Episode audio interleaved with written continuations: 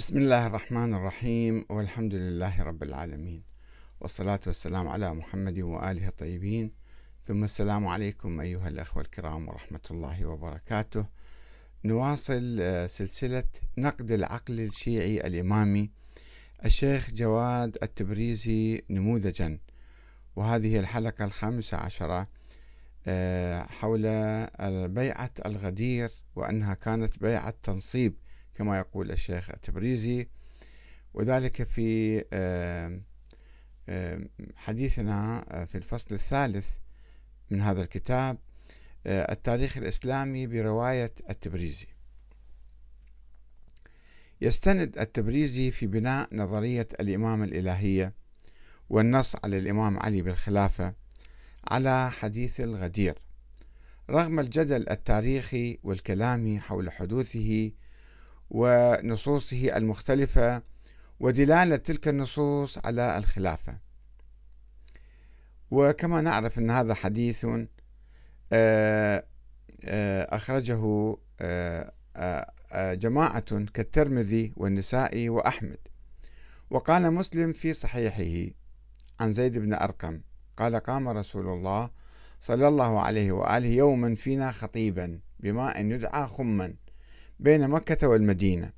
فحمد الله ووعظ وذكر ثم قال أما بعد ألا أيها الناس فإنما أنا بشر يوشك أن يأتي رسول ربي فأجيب وأنا تارك فيكم ثقلين أو ثقلين.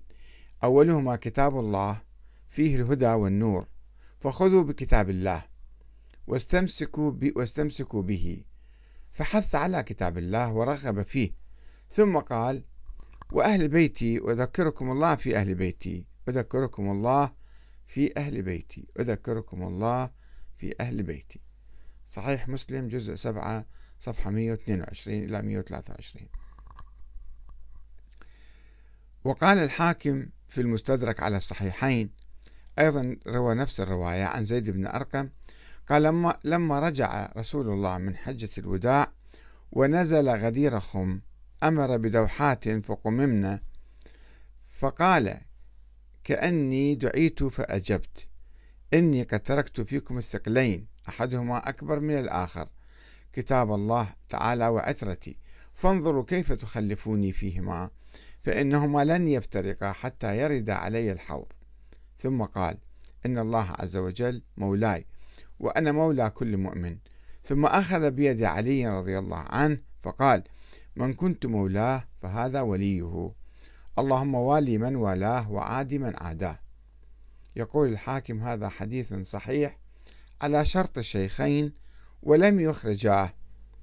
هذا في المستدرك جزء 3 صفحة 109 شوف الرواية تختلف شوية بين مسلم وبين آآ آه، آآ آه، بين رواية آه، عفوا آه، رواية مسلم نعم ورواية الحاكم. فيها إضافة أخرى قد تكون في مناسبة أخرى قالها يعني فاجتمعت. وإضافة إلى عدم ذكر الشيخين المحدثين البخاري ومسلم لحديث الغدير.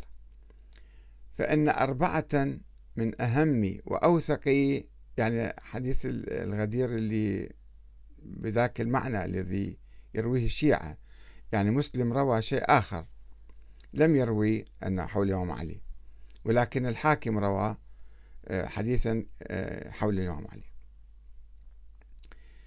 فإن أربعة من أهم وأوثق وأول المؤرخين المسلمين في القرنين الثاني والثالث وهم محمد بن إسحاق اللي توفي في بغداد حوالي عام 150 153 وعبد الملك بن هشام توفي سنة 213 ومحمد بن عمر الواقدي توفي سنة 209 ومحمد بن جرير الطبري اللي توفي في ما بعد 300 لم يذكروا حديث الغدير بالرغم مما ذكروه من فضائل الإمام علي واتهامهم بالتشيع كانوا يعني يتهمون بالتشيع مع ذلك لم يروى حديث الغدير بالذات ابن إسحاق وابن هشام مثلا والواقدي. فقد روى ابن إسحاق حديث الدار اللي آه، قرأناها عليكم في الحلقة السابقة وذكر وصية النبي له أمام بني عبد المطلب وإعلانه أن عليا خليفته وأمرهم بطاعته بحيث اعتبره بعض علماء رجال الشيعة أنه من أصحاب الإمامين الباكر والصادق هذا بن إسحاق. كان قريب جدا لهم. كما في كتاب رجال البرقي آه، عشرة وعشرين ورجال أبي داود 499 صفحة 499 ورجال الطوسي 125 و 281 واختيار معرفة الرجال للكشي في صفحة 390 أنه يقولون هذا كان آه، ابن إسحاق كان تقريبا يعتبر من الشيعة أو من, من أصحاب الإمامين الباكر والصادق. وخلت بالطبع السيرة النبوية لابن هشام من ذكر حديث الغدير لأنه لخص سيرة ابن إسحاق ولم يأتي بشيء إضافي. وكذلك الواقدي فإنه لم يشر في كتابه المغازي إلى حديث الغدير. بالرغم من ميله إلى التشيع أيضا كما يقول ابن النديم في الفهرست بأنه كان يتشيع. حسن المذهب يلزم التقية. هذا في الفهرست صفحة 144 وقد أكد تشيعه السيد محسن الأمين العاملي في كتاب أعيان الشيعة وأبو زرق الطهراني في كتاب الذريعة إلى تصانيف الشيعة جزء 23 صفحة 293 ونأتي أخيرا إلى الطبري الذي لم يشر في تاريخه إلى حديث الغدير. ولكن المؤرخ إسماعيل بن كثير أو كثير اللي توفى سنة 744 بالقرن الثامن الهجري زعم في كتابه السيرة النبوية بأن الطبري جمع في كتاب مستقل الأحاديث الواردة حول حديث الغدير في مجلدين بمختلف الطرق والألفاظ. السيرة النبوية جزء 4 صفحة 414 إلى 424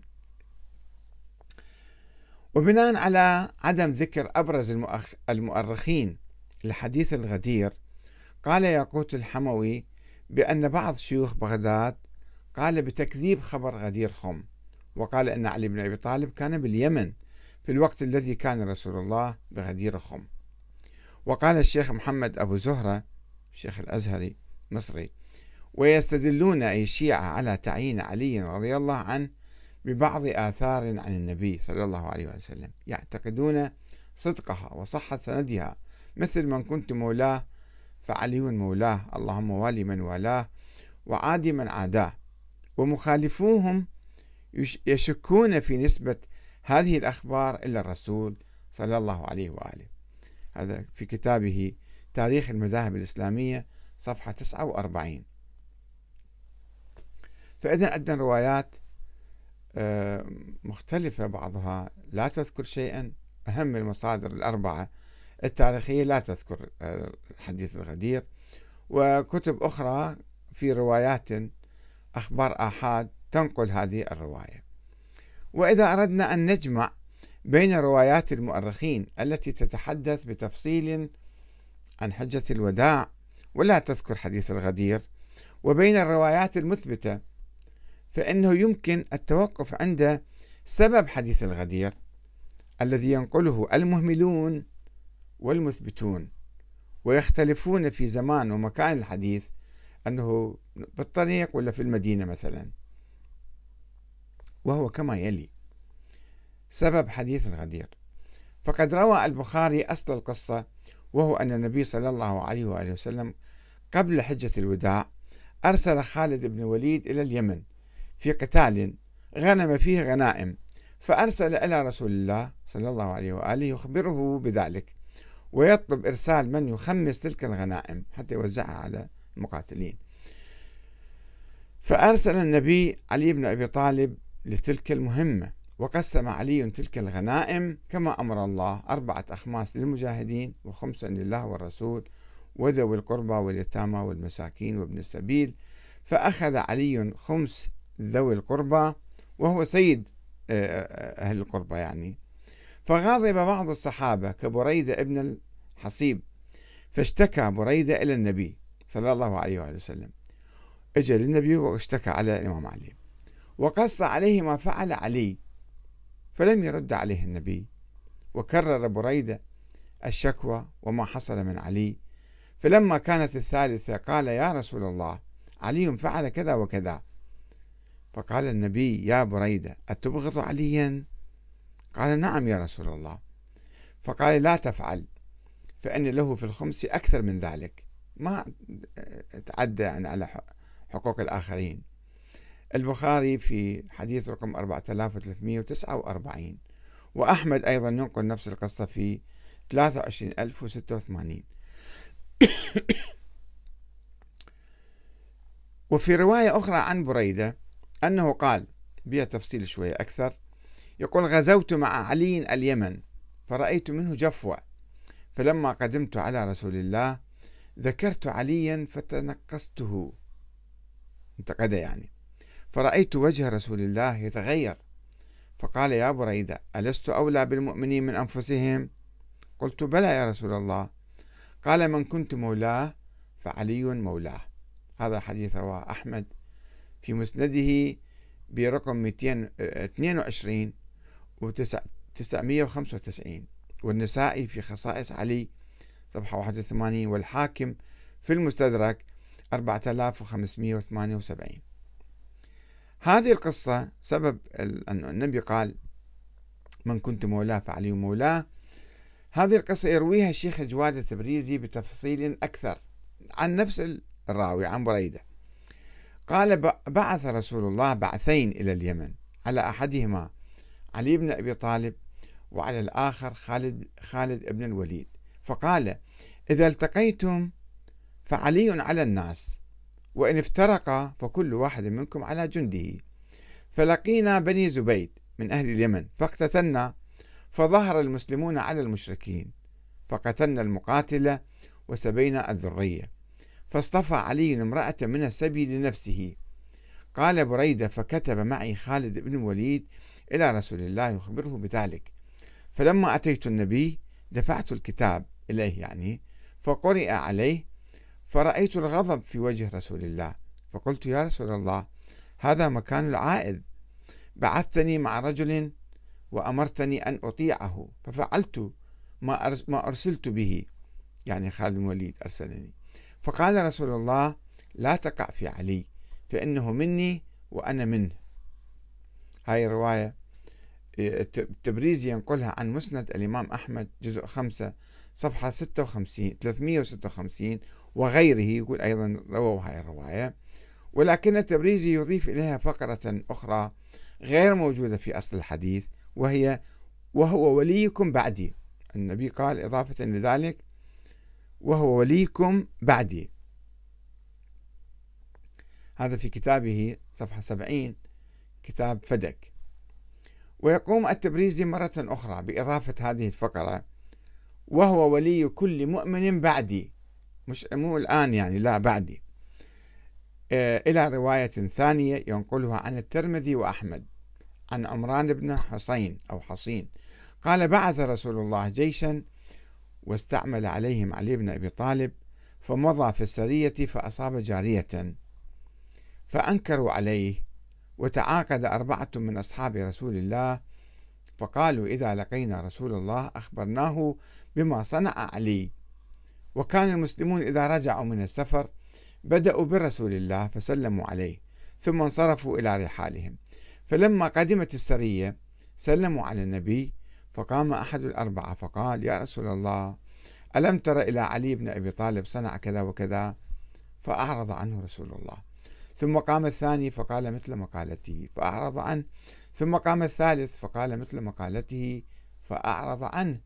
ثم قام الرابع فقال مثل ما قالوا فأقبل رسول الله والغضب يعرف في وجهه فقال ما تريدون من علي؟ ما تريدون من علي؟ ما تريدون من علي؟ إن عليا مني وأنا منه وهو ولي كل كل مؤمن بعدي. كتاب فتك صفحة 69 وكما يلاحظ فإن تبريزي ينقل نفس الرواية وليس فيها إشارة إلى غدير خم. ما يقول؟ وين اللقاء هذا تم؟ وين الحديث تم؟ ولكنه يصر على حدوثها في ذلك المكان حسب بعض المتأخرين من المحدثين والمؤخرين السنة مؤرخين السنة الذين اختلفوا في مضمون حديث النبي. فبينما روى مسلم عن زيد بن أرقم كما أسلفنا قبل قليل. آه، أن النبي قام خطيبا بماء يدعى خما بين مكة والمدينة فحمد الله ووعظ وذكر. ثم قال أما بعد ألا أيها الناس فإنما أنا بشر يوشك أن يأتي رسول ربي فأجيب وأني تارك فيكم الثقلين كتاب الله فيه الهدى والنور فخذوا بكتاب الله واستمسكوا به فحث على كتاب الله ورغب فيه ثم قال وأهل بيتي أذكركم الله في أهل بيتي. أذكركم الله في أهل بيتي أذكركم الله في أهل بيتي. هذا صحيح مسلم جزء سبعة صفحة 122 123 فيما مسلم ينقل الرواية بعيدة عن موضوع الإمام علي آه، ينقل الحاكم نفس الرواية عن زيد بن أرقم ولكن بلفظ مختلف وزيادة فيها. أن النبي قال إني تركت فيكم الثقلين أحدهما أكبر من الآخر أحدهما أكبر من الآخر. كتاب الله تعالى وعترتي فانظروا كيف تخلفوني فيهما فإنهما لن يفترقا حتى يرد علي الحوض. ثم قال إن الله عز وجل مولاي وأنا مولى كل مؤمن. ثم أخذ بيد علي فقال من كنت مولاه فهذا وليه؟ اللهم والي من والاه وعادي من عاداه. آه فهذا فيها هالإضافة في رواية الحاكم. وقال البيهقي وأما حديث الموالاة فليس فيه إن صح إسناده. نص على ولاية علي بعده. والحديث هذا إذا صح سنده بس ما به كلمة من بعد ولاية بعد النبي. فقد ذكرنا من طرقه في كتاب الفضائل ما دل على مقصود النبي صلى الله عليه وآله وسلم من ذلك وهو أنه لما بعثه إلى اليمن كثرت الشكات عنه وأظهروا بغضه فأراد النبي صلى الله عليه وآله أن يذكر اختصاصه به ومحبته إياه ويحثهم بذلك على محبته وموالاته وترك معاداته. ما كان حديث عن الإمامة والخلافة والولاية بعد النبي. ولكن الشيخ التبريزي حاول أن يضفي على تلك القصة وذلك الحديث بعدا سياسيا. فأضاف إلى تلك الروايات التي نقلها محدث أهل السنة فقرت وهو ولي كل مؤمن بعدي أو وهو وليكم بعدي وقال عن حديث الغدير هو نصب للخلافة بأمر من الله سبحانه حيث أنه أخبر بولايته بداعي النصب مما هو مدلول قوله صلى الله عليه وسلم من كنت مولاه فهذا علي مولاه ولم يعلقها باختيار الناس. ولو كان ترشيحا لقال أيها الناس أنتم مخيرون في أمركم من بعدي. لا أن يقول من كنت مولاه فهذا علي مولاه كما قال ذلك باتفاق الفريقين. هذا في كتابه الأنوار الإلهية في المسائل العقائدية صفحة 139 للتبريزي طبعا.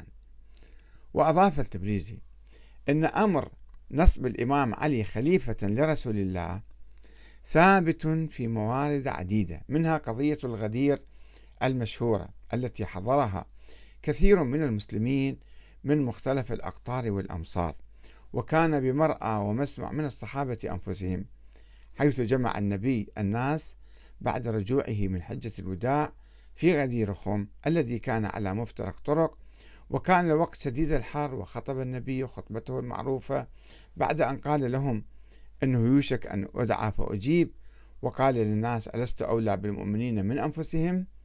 فقالوا اللهم بلى. فقال وقد أخذ رسول الله بيد علي حتى بان بياض إبطيهما من كنت مولاه فهذا علي مولاه. اللهم والي من والاه وعادي من عاداه. هنا أنا ما يذكر أنه وليكم من بعدي الشيخ التبريزي. وأخذ البيعة لعلي من الناس. حتى قال الثاني يعني عمر يقصد لعلي بخن بخن لك يا علي لقد أصبحت مولاي ومولى كل مؤمن ومؤمنة. فكان علي هو الولي على الأمة بعد رسول الله.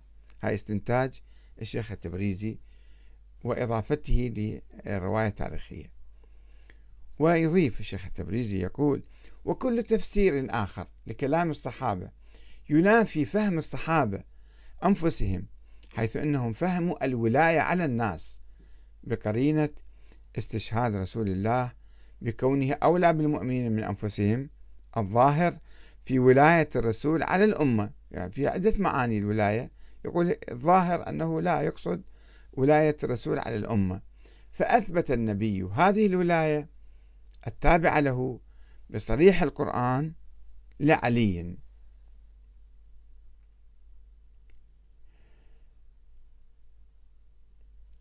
وكما يلاحظ هذا طبعا في صفحة 122 123 من كتاب الأنوار الإلهية. وكما يلاحظ فإن التبريزي هنا يدعي فهم الصحابة للولاية على الأمة من هذا الحديث بالرغم من أن أحدا من الصحابة لم يفهم ذلك في الواقع.